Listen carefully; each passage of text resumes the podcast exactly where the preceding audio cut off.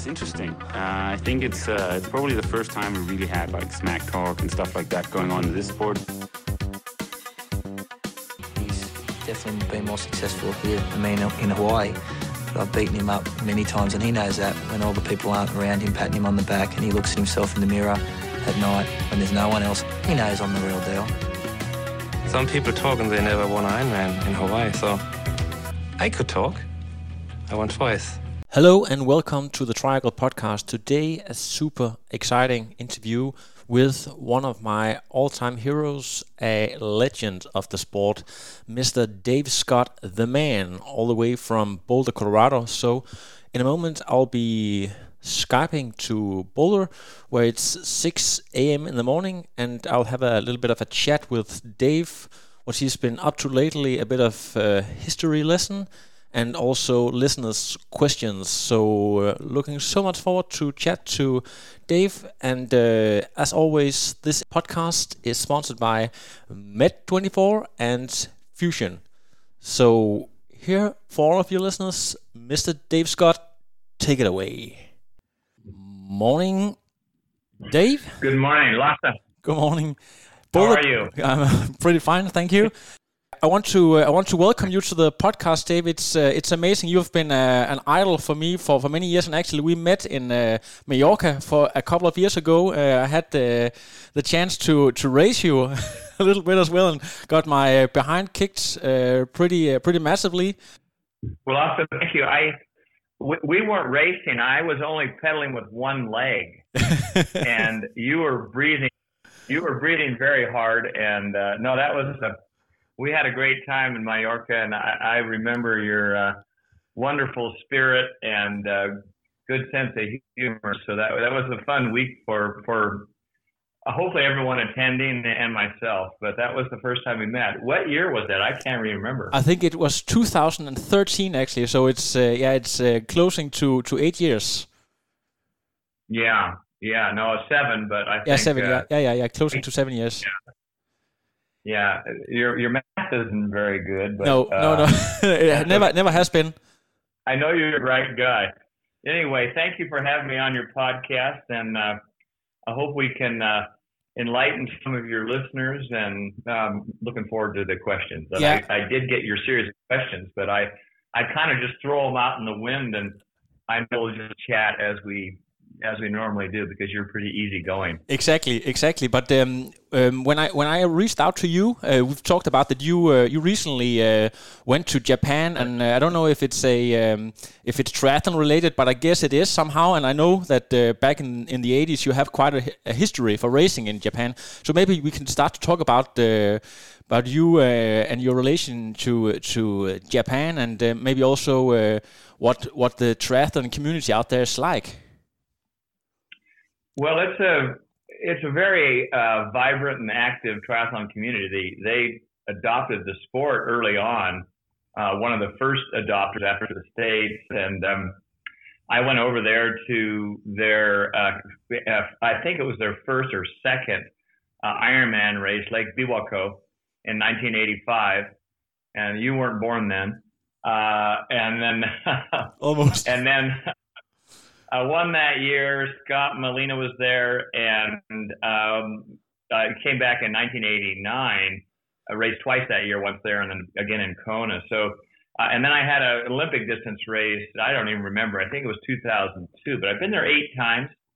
Uh, the Japanese are energetic, very hospitable, uh, extremely polite, and I think you know once I start teaching them and poking them and prodding them and tell them that their range of motion isn't very good in their shoulders and back and hips and they they loosen up a lot and and they're very uh, receptive and very giving and uh, you know I, I just like I like their attitude as I do uh, the Scandinavian countries as well and a few other uh, select spots where I traveled. So this last trip that I just uh, finished, it was uh, kind of a five day clinic and um, they have a lot of media that's attached I don't know how many interviews and um, uh, different groups. So I, it wasn't the same group. There were some that did all, uh, all four or five events, but it was always a 50 new people, 30 new people. So I did swim bike, run, uh, biomechanics analysis. We did a lot of mobility, stretching, strength, and lots of questions. So it was a good week.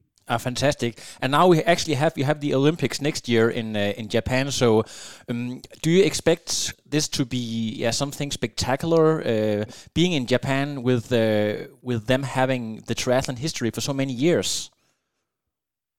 Well, I, I think so. I, you know, the Japanese are very fastidious uh, and um, very thorough on everything they do. And you know, I, my event was just choreographed perfectly, and and and they've hosted the uh, Olympics before. They've had the Winter Olympics there in recollection, also Tokyo.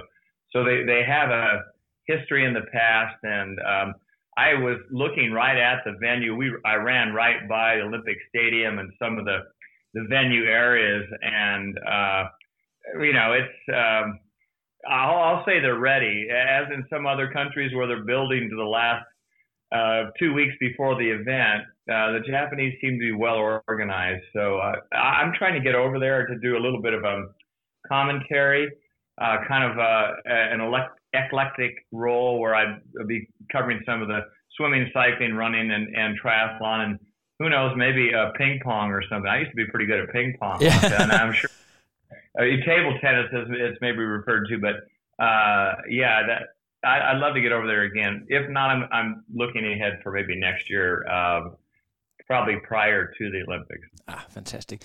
We have to, uh, unfortunately, have a little bit of a history lesson here because uh, some of the younger listeners who just moved into the sport, unfortunately, can't remember the 80s and uh, where you were a pretty dominant figure and also one of the yeah, first uh, first real legends of the sport. Um, how I, I, understand that you played water polo in, in high school, right? And then uh, you did some. Uh, I think there was a the Waikiki rough water swim was a big thing back then, which was one of the elements that led into the Hawaii Ironman. But but how did you, in fact, got introduced to to the Hawaii Ironman in the first place? Well, I'm sure you have a lot of younger listeners than myself, so thank you for being being quite cordial, polite with that introduction. Uh, yeah, I'm 65 now, so that's kind of shocking. Uh, I, I mean, I was one of the first ones that I, I did my first race, and a lot of people are going, "My goodness, he is old." I did my first triathlon, but it wasn't called triathlon. They didn't have a name for it. It was in San Francisco, California, and the uh, the order uh, was it was mixed up from its current day state. Started off with roughly 15k bike, but there's no measurement at all. No aid stations, no police, no one at the intersections, nothing. Just go ride, you know, roughly 15k.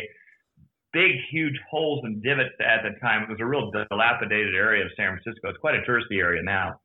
And then the second leg was a run, and I'll, I'll give it credit and say it was seven kilometers, but I don't think it was. Uh, somewhere between six and seven. I wasn't going to run because I was having knee issues, so I finished the bike again, I'm just wearing my uh, my tennies. I didn't I didn't have shoes, but for some reason I said, you know, my knee feels okay. It was bothering me. I can run. I laid my bike down on the ground. That was the transition. Ran over to my car, opened up the trunk. I saw some other shoes in there. I to this day I'm not really sure why those were better, but I put those shoes on, and then I went out and ran. I and I had no idea. I knew a few people were ahead of me, a few guys were ahead of me, and um, I ended up catching a a couple of them on the run, and then the last leg. Uh, it, it, the time of the race was right about now. It's our Thanksgiving, which was late November. The water uh, was about 12 degrees uh, centigrade. It was quite chilly. No wetsuits, and so the last leg was maybe 1,200 meters, and I jumped in.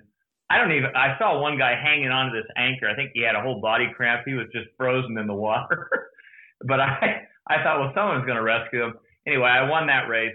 That was the start.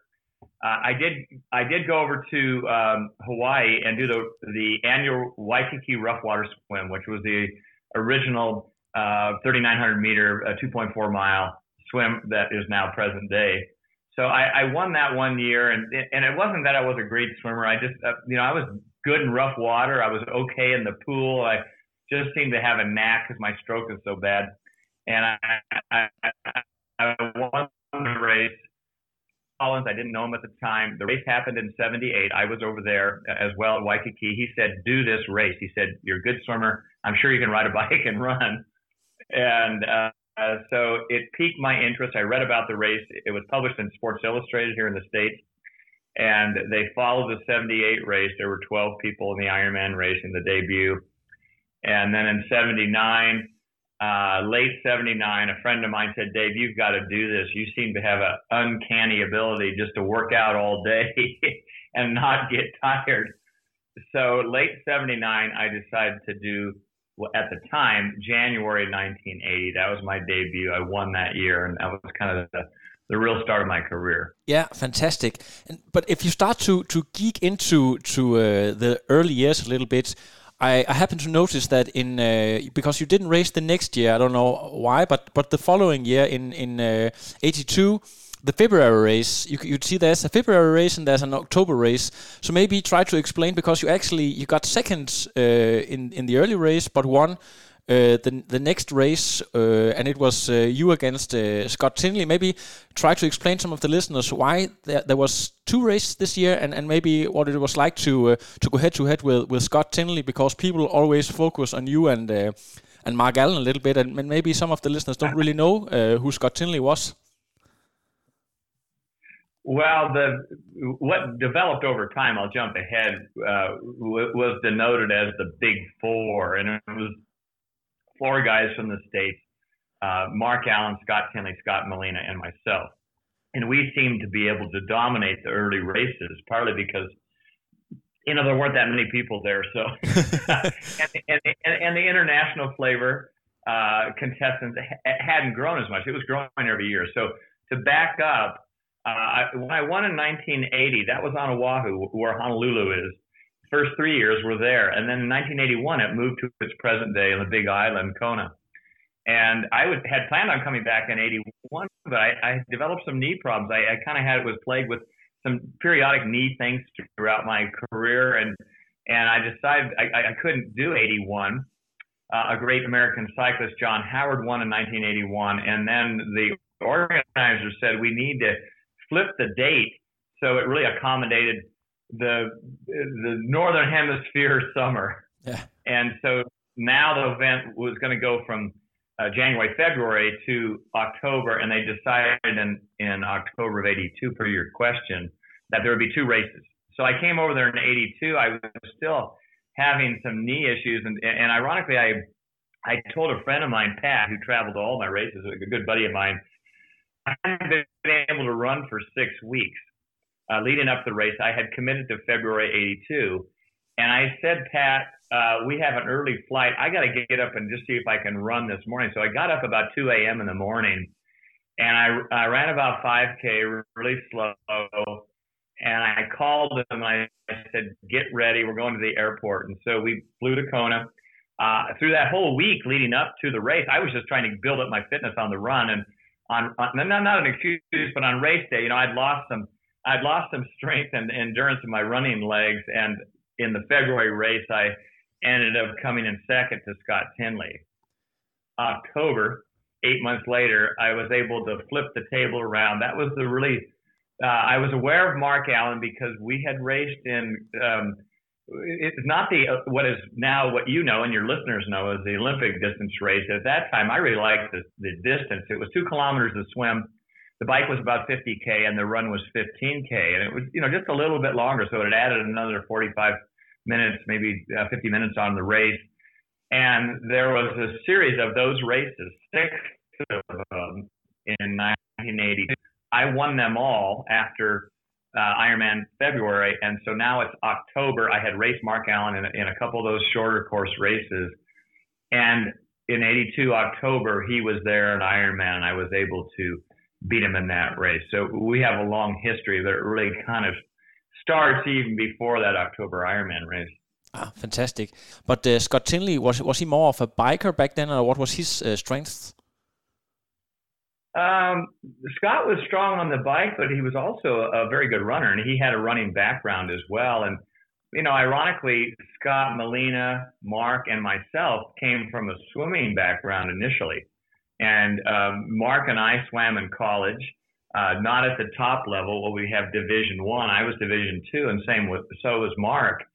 And that kind of denotes that you're, you know, solid but not great. And and again in open water, I, I, I seem to excel. I didn't position, but in salt water particularly, I could swim reasonably well, but not like the fast, fast guys. So we came from a swimming background, but um, Scott Tinley developed his bike and, and run. His swimming was always a little bit weak. He was always playing catch up. Scott Molina, Mark, and myself were pretty good in all three. And over time, my, my swim was by far the weakest of the three, and my cycling and then eventually the run became my my my strongest. So I, ha- I have terrible form running, Lasse. You saw it in Mallorca when we ah. probably ran a little bit. I, am sure you shuddered how poor my running form is, and of course, old, old videos that you see. Uh, Mark's a beautiful runner. He kind of glides along, and I, I look like I like someone uh, I don't know has lassoed my legs. Not to use your name, but uh, so uh, yeah. But I I was always fairly strong, and so I never really felt as though in any any of the races I was going to falter at the end. I just had to maintain what form I had and and hopefully prevail. Yeah. But over, time, it turned out that Hawaii and the conditions there really suited you because uh, you were the other guys, the, the big four, uh, yeah, the other three guys in the big four were able to to beat you in some of the shorter races and Ironman elsewhere. But in Kona, you were can you can I say almost invincible? Uh, really, uh, really strong there. So so why do you think that that was? Was was it your mental advantage, or or did you just have that uh, maybe core strength that the other guys didn't pay enough attention to, or or how do you see it if you look at it now? Um, I think your last phrase was appropriate because how I look at it now was maybe a little bit different than some of the athletes are looking at Ironman, and and I, I won't cite any names. I think a lot of the athletes that go into the race think of it as a survival I hope I can do okay on the run. And I hear that a lot. And, you know, my first question is why would you doubt your ability and your mindset and your confidence and the faith within yourself to have the best day possible at the world championships? And it always is quite befuddling to me when I hear that, when I hear other champions thinking that they're not going to be able to run well in Kona oh, the conditions are difficult. Absolutely, they're difficult. And I'll, I'll kind of answer part was that I always felt, as I alluded to, and it wasn't arrogance that I was always going to have a good run. I didn't really know what that was going to be, but I wasn't going to falter on the run. So I had this kind of inner confidence. Part of it was not necessarily measuring it against everyone else all the time, like the athletes have a big opportunity to race each other, even though I did race those other, uh, other three of the big four. Uh, and I think the last part was uh, mentally about halfway through the run when you're feeling kind of mentally foggy, legs and body are fatigued. There's something about that race that you know there's no disconnection on the mind body i'm always present and, people say oh think about you know some birds flying off in the or the waves uh, gently lapping on the beach. You know, I think we go through different levels of discomfort, and you manage those. So, I, but I liked at the halfway point, you're at 21 kilometers in the run, and I could just feel myself kind of get into this physical, mental rhythm. And I said, now the race starts. And I always felt that, wow, I feel, I feel strong here on the end, and no one is going to catch me uh, in the last half of, of this race ever. And that's kind of the, the mindset I went in. Probably the last thing is I heard this at a press conference early on in the 80s. Oh, Dave Scott trains by himself. He's like this hermit. He's he's yeah. isolated himself, and uh, and I'm sure you've read it, Lasse. Yeah, but, you, um, you you lived up in Davis, right? And the other guys they trained together down in uh, in San Diego, right? That's correct. Yeah, we're about 600 kilometers away, and and um, you know I had no desire to move to San Diego. My family and I had lots of friends, and I, am actually you know a reasonably outgoing guy. Uh, so I, you know, I wasn't isolating myself. It was just this is my home. So I, I you know, I think the I think the last part is I kept hearing, oh, Dave Scott, he trains by himself. Where I live in Davis, California, it's extremely hot. We we we would have 90 days over, you know, 33 or 34 degrees during the summer. I'd train, I'd run during the heat of the day. It didn't bother me. So I was always heat acclimated. Never really thought that was a concern. And um, so I, I had this notion with the other athletes Dave Scott likes the most severe conditions, real wavy, brutal winds on the bike, the hottest temperatures ever. And I heard this and I kept thinking, well, no, I don't. but I, I didn't really want to tell them that. I thought, well, it didn't bother me. So if they think it gives me an advantage, let them believe that. And that was a, a, a I'll say a, an asset for me because I didn't care what conditions Hawaii would spit out on race day. I always thought, well, I'm going to have a good race. I don't know how good it's going to be. Let's let it unfold. Great great insights here. Maybe we have to to fast forward a little bit to 2019 because you were you were there this year as you have been so many times before and and saw uh, a race play out in front of us. Uh, one of the most spectacular things. I, I believe was we have a two-time defending champion uh, folding and, and maybe not being able to handle the mental pressure some people talk about sickness, but but I think it's it's fair to say that that it has to have a mental side as well. And and you yourself has gone into the race as defending champion multiple times. So maybe talk a little bit about what you saw and uh, and what it's like to to handle that pressure in race week.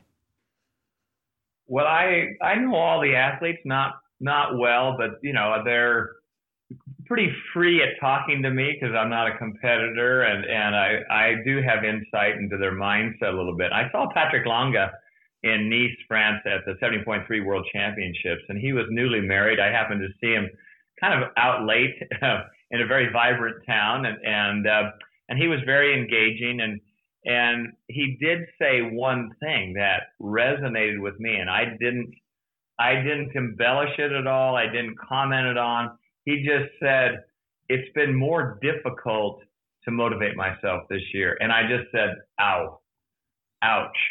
I understand that every single athlete, world champion or not, understands that there are waves where you're down low and you've got to pick yourself up. But hopefully, as you're getting closer to the the main event, you're able to reconcile that. Hey, I'm the champion. I'm the bullseye. I'm the honeybee. Everyone's after me. And I always felt that. I just said, wow, everyone's just glomming onto me. And I felt this throughout the week. I felt in the water at the start. So Patrick Lange, I think, you know, where he had two uh, historic races, I kind of felt in September that he wasn't mentally sharp. He had a poor race in Nice and then, uh, you know, came out of the water solid in Kona but then that was about it. And, you know, I think when all of a sudden your legs start to grind a little bit early on on that bike, because the tempo is fast, they're real fast. You know, they're riding between 45 and 50K going out on the bike. And if you're not ready to ride that pace, oh, wow. It, it feels like you've got a, an ice pick in your brain that's just kind of probing and saying, can I do this? Can I do this? And all of a sudden you let in a little negativity and and then you're he, he had kind of fallen off his pedestal. So uh, Patrick Lange is a great champion. I think he'll come back. You know, the converse of this is Jan Frodeno, who had to drop out in race week, was hungry. He has uh, ridden, uh, has excuse me has raced um, Alistair Brownlee many many times, and Alistair going to that race first year and you know, gold medalist and, you know, probably the most prolific World Cup racer. I don't know his uh, history, and I, and I know Alistair as well. And I said, no one can discount the potential that Alistair could win first time. Jan Frodeno was hungry to win again. So, uh, you know, I, I think it was a, you know, a, a fantastic race. Uh, Alistair really had difficulty, obviously, on the end of the bike. He had mechanical trouble, but I saw him at 2K on the run, and he was completely dead. So I had said to Alistair before the race, he said, Give me three things. This is actually in Nice. Uh, three things that will help in Hawaii. And I said, Don't be overzealous. Don't attack in that first 8K in town because you're going up the backside of Palani, down up to the center road. So there's a fair amount of climbing. It's non rhythmic. Well, they got out of the water with that huge pack and he blew everyone away. He, Frodeno came up when they got on the Queen K, but he went too hard. And I have seen this many times. I saw it with Sebastian Kienle the year after he won. He had a better swim. He, you know, he's going flat out. So for 12, 13, 14, 15 minutes, he caught the pack, and then he couldn't do anything after that, and he couldn't run. So I, I think he he probably learned a lot. He's a tenacious guy, Brownlee. A great champion, and there's a lot of amazing runners. I know that I kind of elaborated from well beyond your question from Patrick Lange, but uh, you know, I, I have seen this many times. I I don't know exactly what happened to Daniela Ryf, but I admire her, and she's just got the most extraordinary career. I spoke to Lucy Charles. I have great admiration for her. She is so tough leading, and I asked her, you know, on the run, you were able to to come back from third to repass second. She said, Dave, I I felt terrible at two kilometers on the run, and I held on for the next 40. And I just went, You will win this race. You know, I just loved to hear that because I said, Wow, that's the seed and the testament that is a champion. And, and she's she's amazing. Daniela Ryf, remarkable. Fantastic. You uh, also worked quite a bit with the Chrissie Wellington. I don't know for how many years actually you, you because she she was working. What was that for four years? Yeah, four years with Christy. Yeah. Yeah, and and she also uh, one of the the big Kona champions. I think she she won like four times in Kona. So um, working with her in race week, for instance, if you if you have an example for how you how you uh, what do you call it prepared her mentally for for this going into the race as a champion. Uh, I think first off, everyone has to recognize that Chrissie Wellington never lost an Ironman race. She won 13 races that was worldwide, and and uh, she did uh, Roth as well, and, and did extremely well there, 818. Uh, I saw her for the first time. I was covering the race in Kona. No one had heard about her, and she's in the lead. I didn't even I couldn't even give her name right. It wasn't Christy. I kept calling her Christina or Chrisella or something. and and she just was kind of glowing on the run. I said, "Wow, she's remarkable." Of course, that that's when her career really flourished. Uh, working with Christy, uh, and we are still good friends today. I worked with her quietly for a couple of years. No one really knew we had this connection. That was really kind of her choice. I didn't need to put my name out there that because I, I already got her when she was good. But she was so relentless in her workouts, and I would see her because she lived in Boulder, and she just was so tenacious. Sometimes to a point that I had a bad workout today and therefore I'm a failure. And I had to continually remind her. And I also had other athletes, Rachel Joyce had kind of the same mindset, which to a fault was not good because all of a sudden they're, they're pulling themselves down. And I said, we really have to look at the trend of great workouts that you had. Let's not dwell on one. Let's throw it out and move ahead. Easier said than done. So coming up to Kona, she had uh, no, no one has a perfect template going into Kona. I never did. Craig Alexander never did. Chrissie had a lot of ups and downs, just little ones that, you know, initially mentally, mentally rattled her. But the difference was really in the last six weeks into Kona, she could override these bumps and say, I've got Kona, I'm going to have a good day tomorrow. So, contrary to what I just said, for most of the season, as she got close to Kona, it was, it was kind of a similar mindset. I'm going to be ready. My body's going to be ready. I'll adapt to the conditions. They're going to be different each time with competitors. And by the way, I'm going to win. and and her, by the way, I'm going to win was, oh boy, here we go. Yes, you are. Let's let's let this race unfold and you're going to show not only your competitors but all the athletes worldwide how mean you can be on race day with a big smile. So she had this smile, but inside of her, she was like a roaring lion, which was awesome. Fantastic. I, I, I simply love this. Um, the next subject uh, I hope we can talk a little bit about is the age factor because watching Kona this year, uh, a lot of people they are busy uh, having guesses. Say, oh, now we have a new wave of athletes, but in the end, it turns out it's the old guard that still holds strong. If you look at the top three, they are approximately between uh, 37 and 40, most of them, and and that that made me think maybe that was this was the, one of the best topics I could uh, speak with you about because uh, everyone wants to talk about the Iron War, but actually, if I know you right, you think that some of the best races you did, or some of the most remarkable results, was in uh, '94 and '96 when you came back. at age 42 or 43, maybe was it?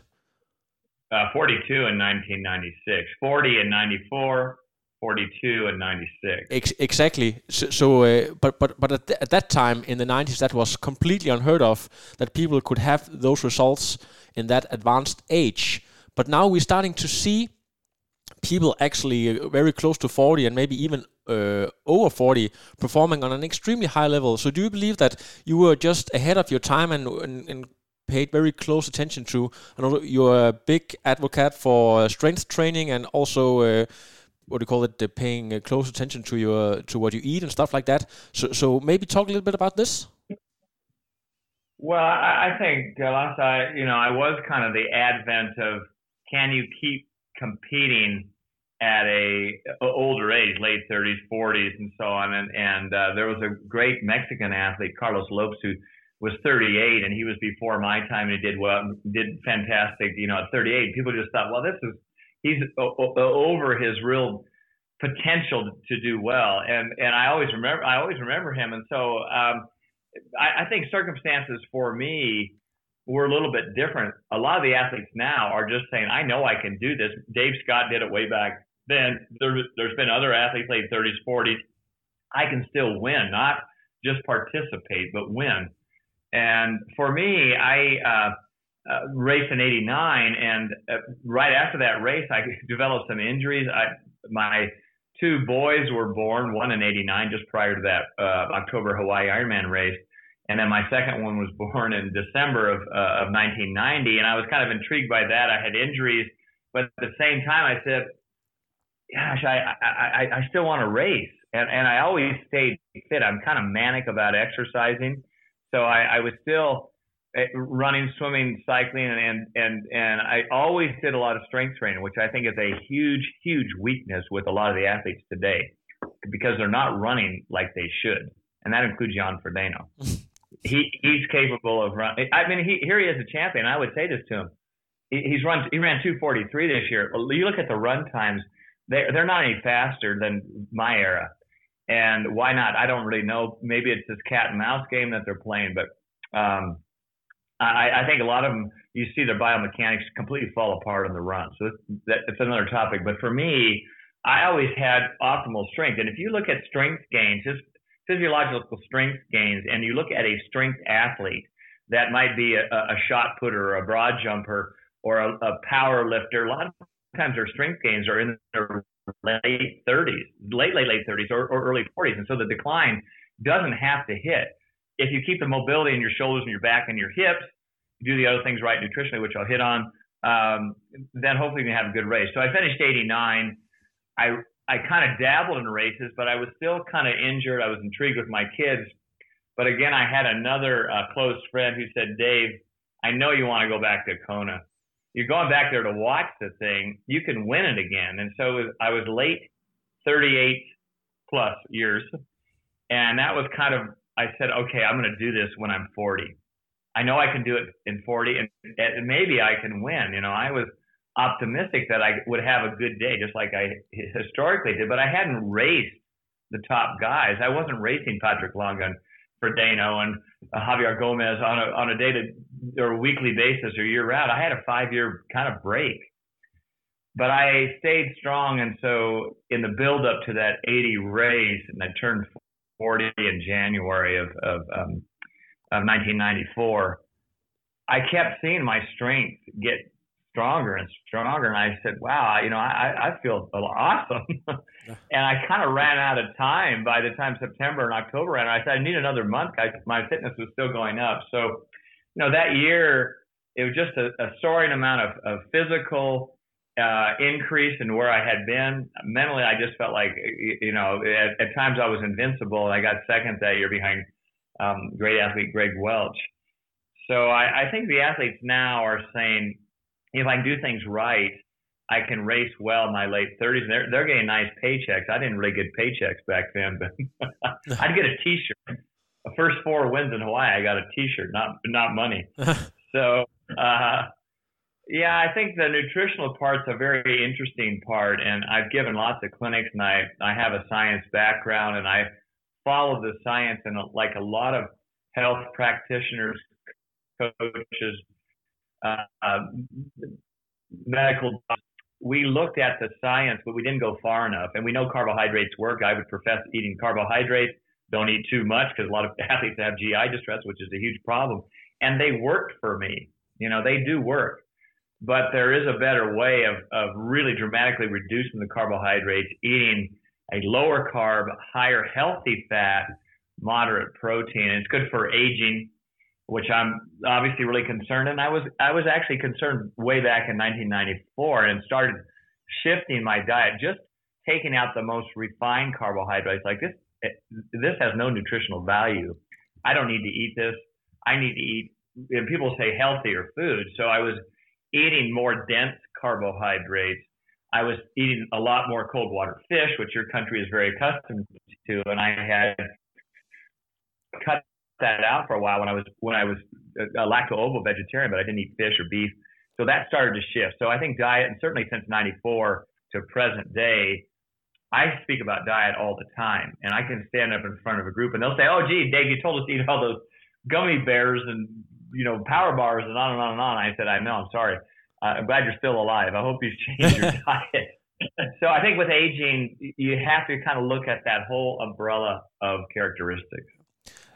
The next topic I have here is uh, is about uh, nutrition because. Um, you back in the days, I, I actually, I, my what do you call it? Headline is the cottage cheese factor, and, and I, I, think you know what I'm talking about here, because um, there was this uh, sports psychologist who wrote the book called, and I read aloud here. It's called uh, from good to great, um, where you were mentioned because you actually used to rinse your cottage cheese uh, for the last bit of fat, because in the 80s people believed that that fat was supposed to be the absolute worst thing that you could take. But I think it's it, it kind of shows that you were willing to go to extremes to to to get what do you call it to to maximize your nutrition, and. Um, and that made me think of because we see in in the last two, uh, two, or three years that a lot of top athletes go on a vegan diet, and maybe you could talk about this a little bit. Uh, what, what's your take on on uh, people go on on vegan diets, uh, being being athletes on the on the top level?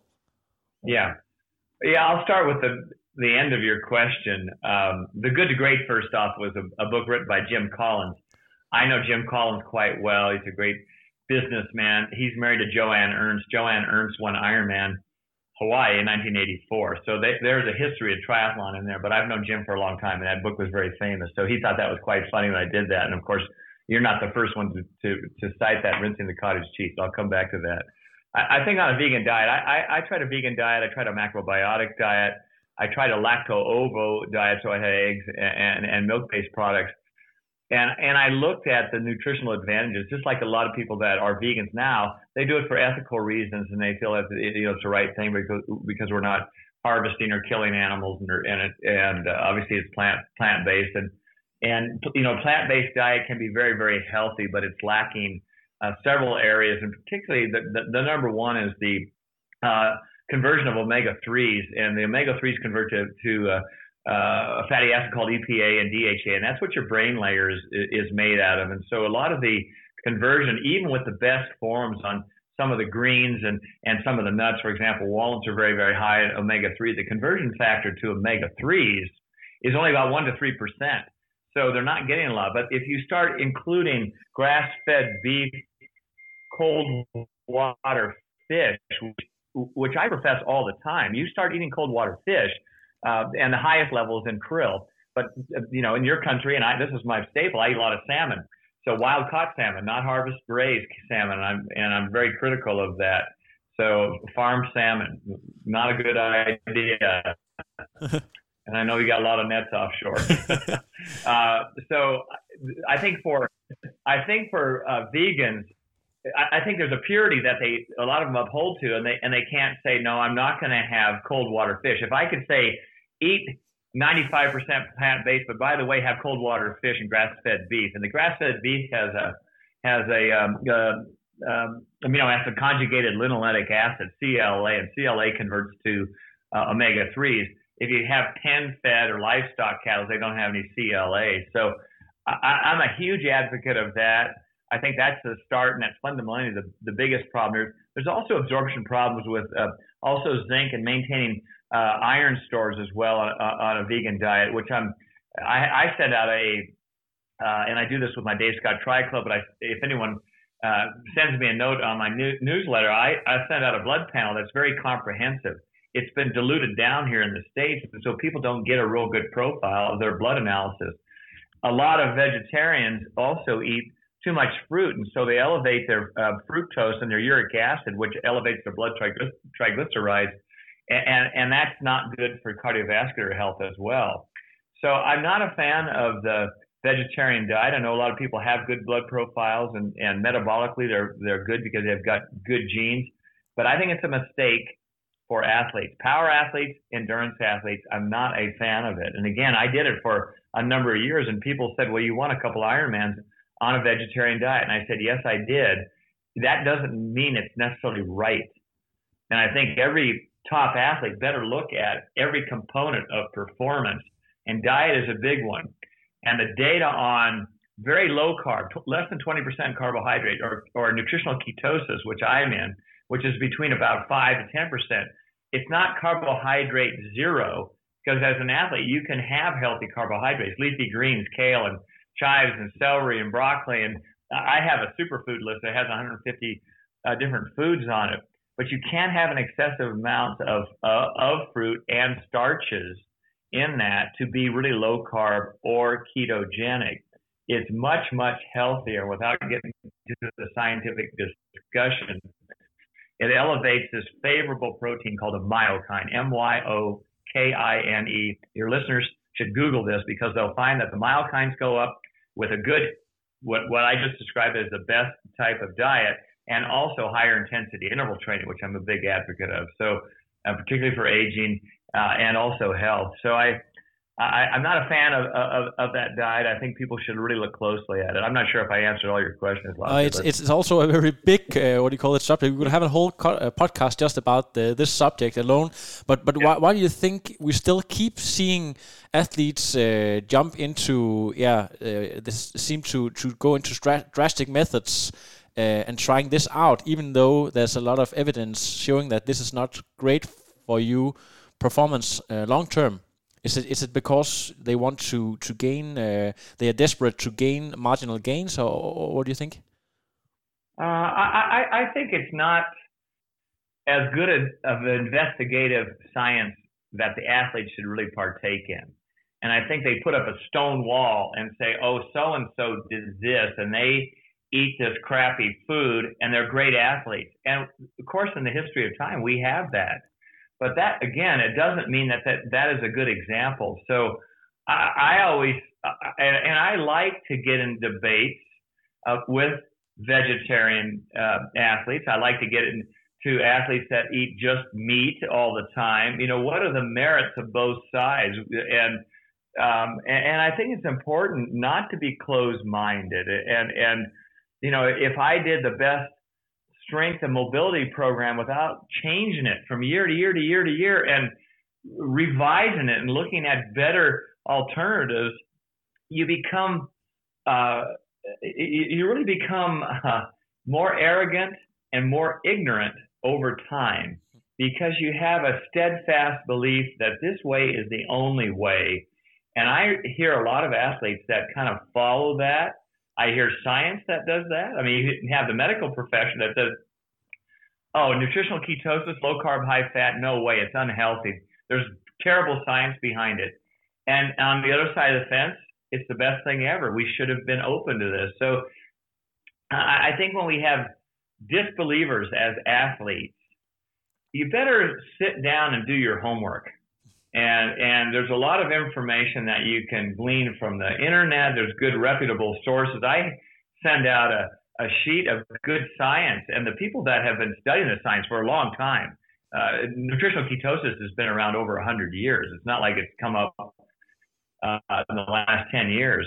I have a list of scientists, and they are scrutinized so heavily. So their studies are by mainstream science, and certainly here in the states, and really worldwide, and, and we've seen this, you know, a lot of developing countries all, all throughout Europe and also Japan. Um, they don't want to change and they don't want to listen. And you better and, and you listen. If you want to athlete right now, open your eyes up. Yeah, great. Um, Dave, we're going to uh, talk a little bit about your tri club in a little bit, but I think first maybe we could take some uh, audience questions if that's okay with you. Yeah, let's fire away. Those that sounds good. I like the audience questions. Yeah, uh, exactly. And we, maybe we have touched a little bit of some of them.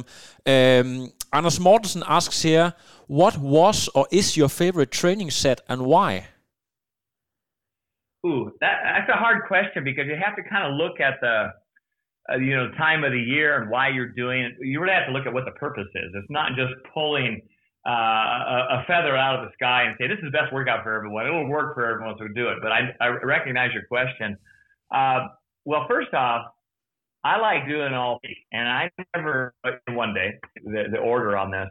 Uh, I never really called my workouts where I did all three five or six days a week uh, a brick. I just did all three. Yeah. And quite often I did strength training. So it wasn't, oh, I'm going to do a swim bike run every single day or a bike run. And now that the, the word brick is part of our vernacular, I don't really like it because I, I never used it. So uh, my, I'll say my, my best session, I, I quite often like to ride first because it was a little bit longer. And I would always do, it, it, I would always do about 60% of the ride tr- trying to go at what's now known as FTP or lactate threshold. So if I did a my ideal thing was to, ride about three hours or three hours plus. I would do an hour and a half at my 40K time trial. And, and I would generally break that up into 20 to 25 minutes if I could do that. So it might be four blocks of 25 minutes within a three hour. And those were really hard. And the rest of it, I, I had a tendency to do the wrong thing. It should have been easier. I kind of rode kind of hard all the time, which was not good for my heart. I know more now. I'm smarter now. Yeah. But I like doing that. And then uh, a- afterwards, uh, I would run fairly close, not right off the bike, but within 10 or 15 minutes. And I would always negative split the run, similar to what I what thought I could do in Hawaii or the races. I'm always going to be faster on the second half. So, and I I didn't wear a um, a watch until late in my career, but then I started checking my times, and so here in the states, you know, we use miles. I'm very familiar with the metric system, but I would always look at my miles. And, and where I lived in California, the farm fields were all miles. It was like squares, one mile, one mile, one mile. So I could check all my miles. I said, man, this is awesome.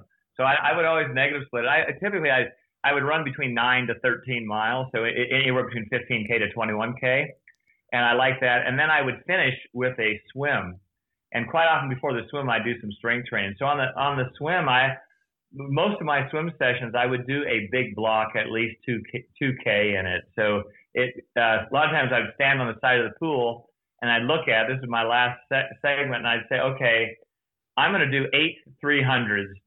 Ready, go, and I would just try to do the first one flat out and then hang on. so that that kind of is, was my go-to workout. But there's a lot there's a lot of things that I would tweak now in saying that. Um, the higher intensity pieces where you hit the higher peaks and not going moderately hard for the rest of it is a much better thing for your heart. So I would temper that down a little bit. That, but that always turned into about a, a five and a half hour to six and a half hour day. Ah, great, fantastic. Uh, that falls directly into the next question because uh, Anders also asks, what would you like to have known in your racing days that you know now for instance, regarding equipment or how the body works? Well, I, I think e- equipment really isn't a, isn't a great question because equipment evolves with a lot of technological minds. We can start with engineers. We can start with the weight of the tubing, aerodynamics. So, of course, the equipment now uh, I ride an Argon bike. That bike is fast. It, it, the dinosaurs that I rode on back in the 80s and the 90s, I have my 1980 Ironman bike hanging in my office. People are in disbelief, like I raced on that, and I said yes. And it's you know it's, it's heavy. It's it's got leather straps to hold your feet in, and um, so the technology has, has changed dramatically, and that includes clothing and aerodynamics and so on, a hydrophobic material in the water and on and on and on. So yes, the technology now, boy, that makes a difference. Yeah. A huge difference. Uh, I think I've, I've kind of mentioned the other areas that I think are, are, are really important. I always did high intensity interval training. The definition of it now and the science behind it is more refined.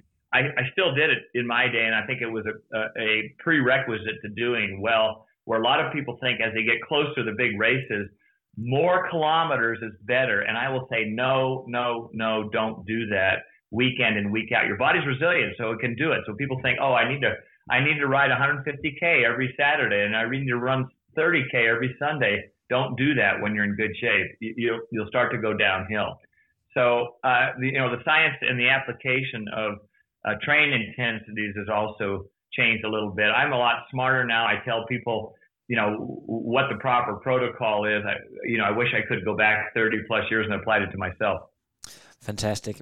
Um, Orla Nielsen asks your best tip to keep the body going as you get older. That falls also into some of the one of the subjects we already talked about a little bit.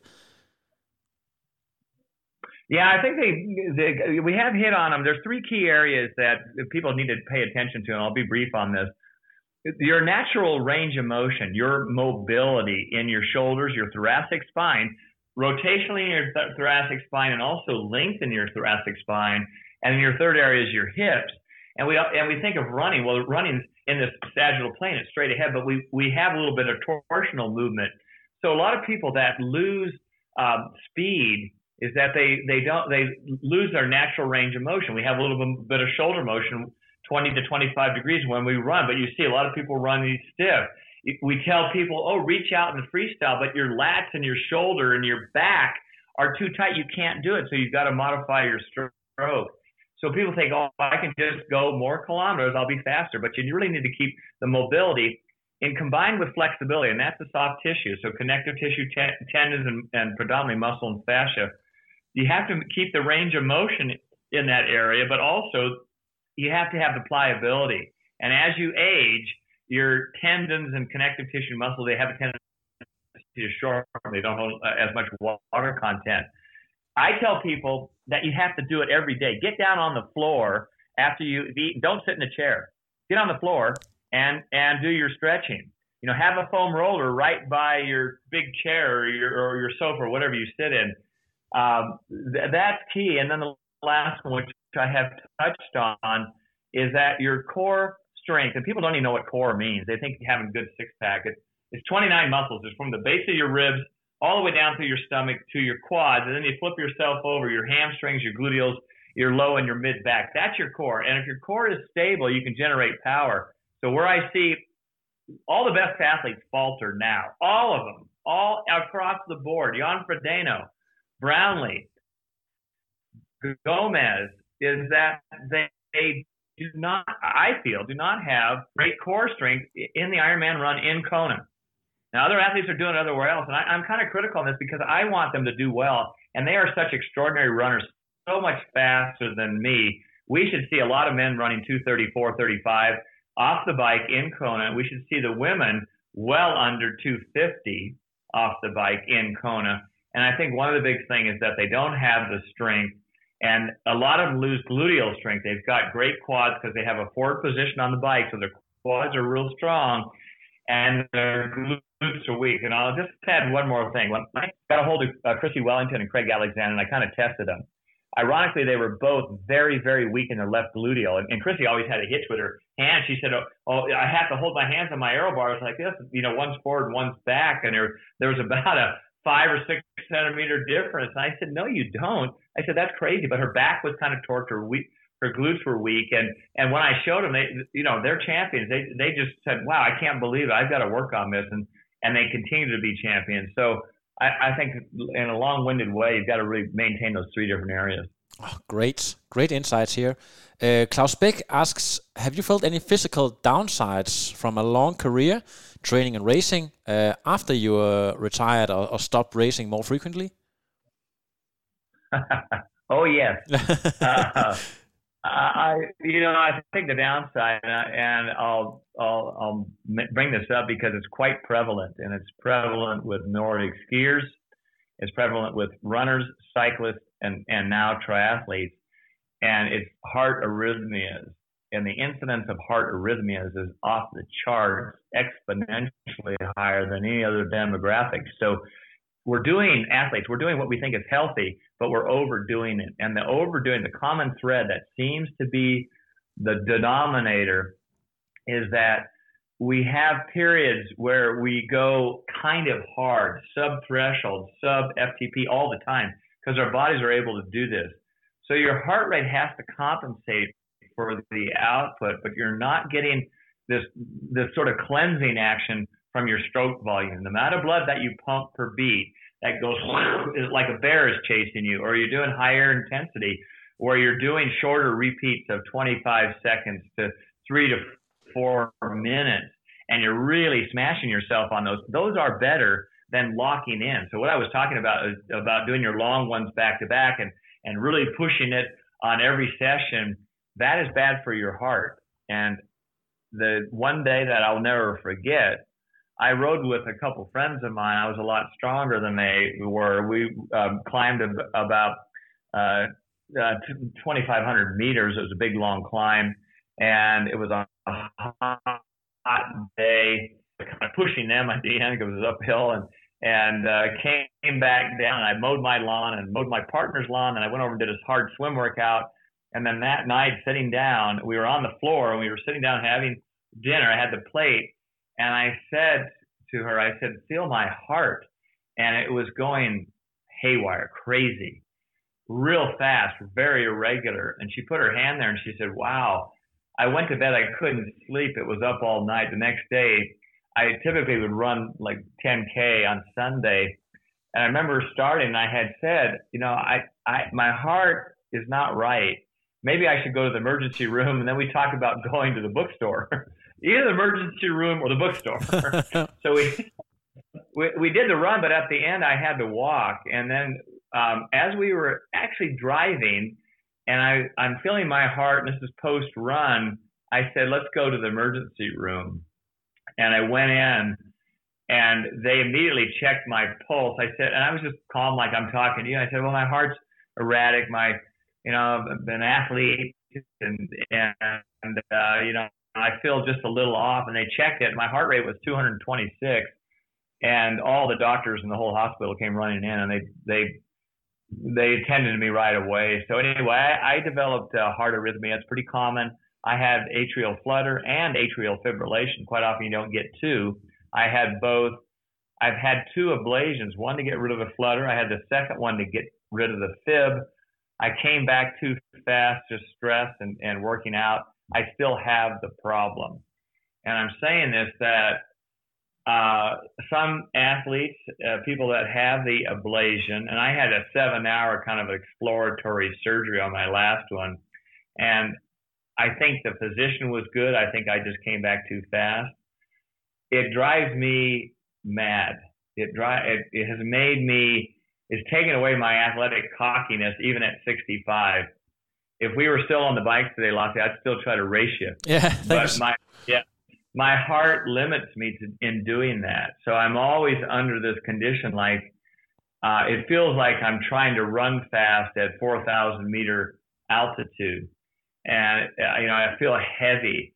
I I can get away at a higher intensity on the bike, slower on the run. I mean, when I get in the swim, it really wallops me. I, I'm 30% slower, and I still work out hard. People say, "Oh, wow, you look really fit."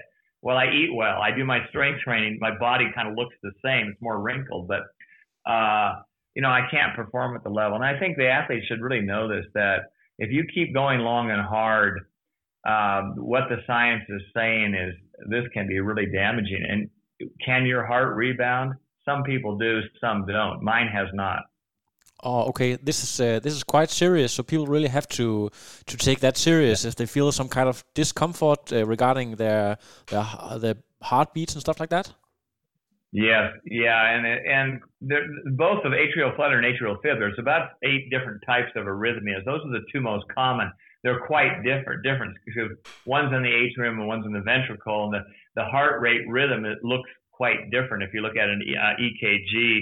But what what a what you would notice is just that quite often you're getting this irregular heart rate or you're getting high spikes or real low spikes, and you feel lousy. Oh. You feel lethargic, listless, heavy, and and you know every athlete should should uh, be aware of this because it's it's quite serious.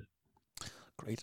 Now into a little bit uh, another another topic. Uh, Jesper Weilby asks a training tip for running off the bike. And I know, of course, I've been following you for many years, Dave. You talked a lot about uh, swing pacing, for instance, when you go running off the bike. Uh, what, what's your what, people who want to mix things up a little bit to to run strong off the bike? What what could they do? Um, yeah, the swing pace. You've done really done your home, homework, Lasse. Um, it's just kind of a, a fartlek type running where you're very speed, but it's more defined. So um, th- what I call on a swing pace is that you have three different speeds. So let's say I'm getting ready for my 70.3 race or my Ironman race. You don't just lock in to that predetermined race pace that you think you're capable of doing. So the the variance is is that you want to do some higher intensity pieces. And my suggestion, even on a longer run, where you do the swing pace, is that you have periods of anywhere between 30 seconds up to about three minutes at your lactate threshold. So if you think for a lot of the athletes that are listening, it's kind of your 10K to 15 kilometer pace that you can hold when you're fresh and you're rested. What is that pace? And let, let's say it's 345 per K. So you're going to be doing these short bits at 345. So on a longer run, I might have 10 of these 10 times two minutes at 345 pace interspersed. This is part of the swing. The, the, the next pace is slower by about 40 seconds to a minute slower. So I've got my slow one at say 445 and I can do this an equal amount of time. So and and the last one might be at race pace or slightly faster for 70.3. So let's use real time. My slow pace is 445. My mid pace is maybe 415 faster, and my fast pace is 345 and I have equal 33% of those. So to, to make it easier for the listeners, let's say I did a, a kilometer of each, and I'm going to start off at my at my 415 pace, and then I'm going to do 445, and then I'm going to do 345, and I ride run 1K.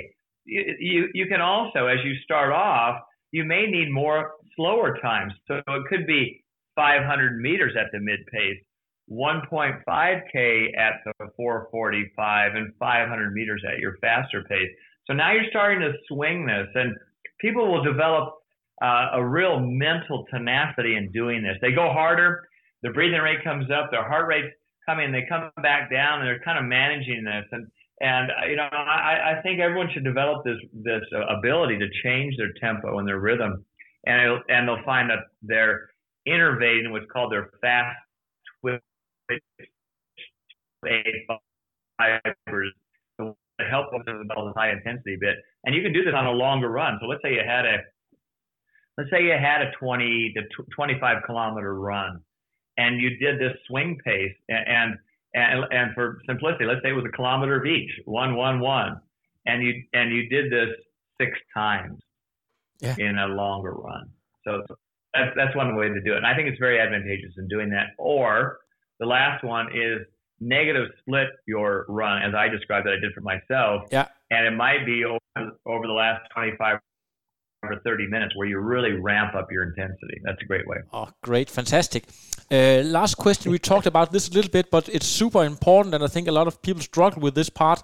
Uh, tips for controlling the mind in the last one to two hour of the Ironman. Uh, I think everyone should have a. My first tip is to have a mental roadmap of the course. And what does that mean? If you're looking at the race course and everyone everyone tells you, "Oh gosh, that hill at the end is really hard," and it, it comes with you know 8k left on the run, and you're going to hit that hill, and your legs are going to feel terrible, and everything's going to explode. I, I think as an athlete, you know, recognizing that's a difficult sec- section, but also how you may manage that, and you might want to break that hill up into pieces. So my first suggestion is is that you have a good uh, mental description of the run. What does it look like, and then break it up into uh, segments, not not necessarily equidistant, but it could be a false flat. It could be the first mile or people uh, or, two miles where you're not in your rhythm. It, it might where you're of downhill or it's you're you're now on unsteady uh, a footing. So you might have in a marathon, you might have eight or ten or twelve mini sections in that event, and then you get to that and you say, oh, here's this next section. You're not looking ahead. You're just mentally mastering that section and how you do it. And you you do a physical inventory. Hey, how's my face? Is my face relaxed? How's my breathing? Am I taking slow inhales a few through my nose, which slows down my parasympathetic nervous system, so I'm not getting anxious? How my shoulders? Are they relaxed? My back, my hips. Gee, my fingers are tight. I got to relax those. And you get through those difficult sections without even thinking about it. Everyone goes through a bad patch every single race. And if that happens, this is number two. If that happens and you're in that race, then you need to bring down that distance very short 50 meters, 100 meters. What you do from now to that tree that's right there? Okay, I can relax. I'm going to get my breathing. I'm going to be in control. I'm going to hold my good form. You get that 100 meters. And always say, okay, I did that. That felt okay. That felt better. Then you look ahead, maybe a little bit farther, 200 meters. So you have to break it up into these small segments, do that physical inventory because your mind is going to connect with relaxation and calmness. And, and, and those two things are, are, are really huge. And I think the last one, which we had tar- started our conversation off, is that I think everyone has to have a, a sort of an inner belief that, you know, if you have this, uh, not, not a religious side, but a, a faith within yourself that you're going to extract the best possible day. And if you're thinking about that going into the race, you can turn around a switch in that race and all of a sudden say, gee, I, I was having a bad part. I'm not going to think about that, but boy, I feel a lot better. And, and really my, and I'll just add this last thing. My, my best race was uh, mentally for me, emotionally for me, the most uplifting one, the one I have the, the greatest memory of. And, I, I'll say there's a lot of them that kind of are parallel was really the last race in 1996. I got fifth, and and I was 42. I thought I could win. I didn't, you know. I told my family, a few close friends. I didn't tell any journalists. They said, Dave, you got second. When you're 40, I skipped 95. I dropped the weight in the gym on my toe and broke my toe, so I didn't race in 95. And then in uh, 96, I said, you know, I can win this race, but I, I had a real poor swim. I knew I was back too far. Uh, the bike, I, my legs felt flat, and I started feeling sorry for myself. And I wasn't breathing hard. I'd mentally given up. At about 140 kilometers, I saw some of my family, and I turned the switch around. And I said, "Tell me where number 10 is on the run." I had no idea what place I was in, and they realized that I'm now playing a game, and the game was what I did in all my workouts. I'm going to catch the next person, then the next person, the next person. And I didn't know until the day the, the race was over. I was 26th off the bike, and I caught the 10th. Yeah, I caught the 10th guy at about 27 or 28k, and I caught the fifth guy. I don't know, it was a 5k to go. I mean, I ran 245 that year, so I had a bad swim, terrible bike, ran, fell, and then went from 26th to the fifth. So I think mentally you can turn things around. I think a lot of athletes, if they have a fly off, they're I don't know, they can't. Their water bottle kicks off. I did my first race in Ironman Japan. I went across some railroad tracks and I lost all my nutrition. Yeah. It just well, I didn't think the race was over. I said I'm gonna have to manage this. So I, I think people give up too soon. Yeah. Okay. Great. So it's a it's a tip for people out there uh, to to always think uh, what's straight ahead, or or maybe trying to to have these mental games with themselves, even even uh, what do you call it, catching uh, people up front or something like that. Oh, I think so. Yeah, that that makes it fun. I I um I, was probably never a workout unless I'm really going easy, where I see someone in front of me, and it's still even with my heart condition I see. I rode yesterday. We've got this snow is magnificent. It's this deep. It's, outrageous outside here. I don't know. I'm going to show you. Yeah. Look at that. Oh my god. yeah, it's crazy. So uh, yeah, it's wild. Um, even you know, when I'm riding, I think, okay, I'm going to catch that person. It, it doesn't matter what gender. I'm going to catch that woman. I'm gonna, and and then you know, in a in a race, if I would catch someone, particularly when I was competitive, they would try to match my speed. And I would just play this game right then. I got to beat him right now. Jürgen Zäck did this in a race in uh, Avignon, France. I I caught him on the bike, and then he went by me on the run and he puts his hands up and he goes, I beat Dave Scott. I beat, we're in the race. and I just, I'm getting pissed off. I, I said, you haven't beat me. And so I, it, I didn't care about the finish line. All I wanted to do was run the next kilometers flat out as hard as I could. And that's what I did. I was about ready to explode. So I went by him. I said, you're not going to beat me. So I, I think having these little games that, that allows, um, well, first, first it allows your competitive spirit to heighten. And I think the other thing is it actually allows some lightness or uh, levity where you're you're you're not so serious. You're just you know you're you're kind of playing this game, but you're really keen and cued into your physical and mental cues. I've done this, last say, for my whole life. Uh, you know, because I trained by myself. I'd see a runner in Davis. I thought, oh, man, I got to catch somebody such and such. I still do it. I still do it. And, and now in the pool, because I I'm really slow. I, I'm just I've lost so much, and the fast people I can't stay with them. Uh, but you know, if I see them kind of creeping up, creeping up, I'll, I'll say to myself, I'm going to hold them off for for X number of, of meters. They're not going to catch me until I get to da da da. So it's kind of silly, but I still do it. ah, fantastic! I love it. I, I simply love this. Uh, Dave, we're going to talk a little bit about your um, your tri club here and how people could uh, potentially reach out to you via I don't know social media. Are you on Instagram? Yeah, and that and that's a very, that's a great way to find me, and I'm actually uh, going to be posting a lot more. We're actually going to do a shot because I coach today my swim squad meets. We swim outdoors year round. Oh. We've got the snow, yeah, outdoors. It's about minus 10 degrees centigrade right now, and we got this magnificent snow. I don't know if they're going to get it off the deck, but we swim. So we're, were going to post today, knowing that it was going to snow, but not this much. So they can find me on Instagram. Um, I, I also they, they my website's easy to find, but I have a, a newsletter, and they can subscribe to the newsletter. It has lots of updates, and it also has information on the Dave Scott Tri Club um, and it's membership based. Uh, I, you know, I feel it's a good deal because it has a 12 week program in there for kind of intermediate level, 70.3 and advanced, and same thing um, for Ironman distance. But I would say, and, and that's it's. I, I like the program. I'm upgrading it. We're, we're launching a new one in 2020. But I also have a, a video vault, so all this strength, mobility, stretch stuff that's in the video stuff. And I have programs in there. And the last thing, which I best is, is I do two webinars a month. And it's on, it's just like talking, you know, with questions that come in, just like your listeners. Yeah. So I take all their questions and I write all, if they have a question on the Dave Scott Tri Club and even on my newsletter, Ask the Man, they can write a question. So for your listeners, if we didn't cover their question and they have other questions post interview after you post this, tell them to send me an email. Yeah, that's easy. I th- I, it's on my website. Yeah, I will. We will. Uh, I think we can. We can maybe have a link with the podcast here, so people can uh, can find you.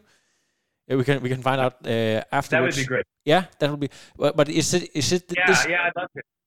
This tri club thing is that a, a, a new thing, or is is that uh, basically your your coaching business that's called the Dave Scott Tri Club, or how does it work?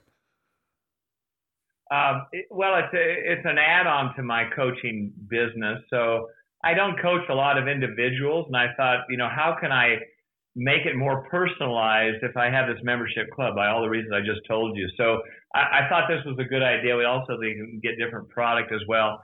And, and, you know, I think the connection is if, you know, you wanted to ask me another question, you could just um, post it on the Tri Club. Hey, Dave, I got a question about my nutrition, uh, are these exercises any good, and what sets and reps, and what's the order? So I, you know, I cover all that, and that was kind of just a rather than just sending out a PDF on my program, I interact with people. So I, you know, I tell you, like in the states, they'll sell a, a training program, but they don't get, have any contact with the coach. Well, you have contact with me, so that's kind of an add-on. I, I still do, uh, and I had one yesterday. I have one today.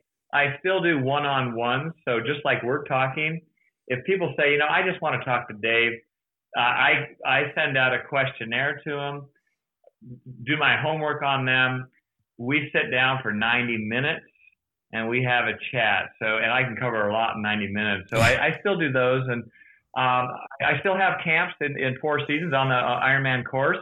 So I have three this next year, and uh, I travel. I still travel quite a bit, but you know, I'd love to do uh, do another camp in your native country. So oh, I love maybe that. you, you, can talk, you can talk to your listeners about that, and we can correspond, and I can give you the details. That would be pretty pretty cool. Yeah, yeah, for sure, for sure.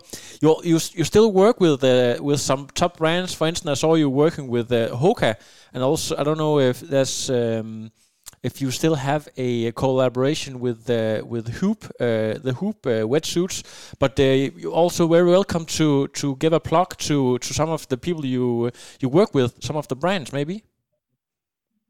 Yeah, the, the HUUB. Uh, I have a Dave Scott line, the Dave Scott long course tri racing suit has been number one, run, won all the accolades. So it's a higher price point suit. It has all the bells and whistles. And I, I just spoke. I had a I had a same time call yesterday with the um, um, one of the directors with HUUB, and and we're finally going to get my Dave Scott kit. That's going to be part of this Dave Scott Tri Club, and I'll have it, not just you know I'm wearing my thing right now. You can kind of see it. Oh, yeah, yeah, yeah. yeah.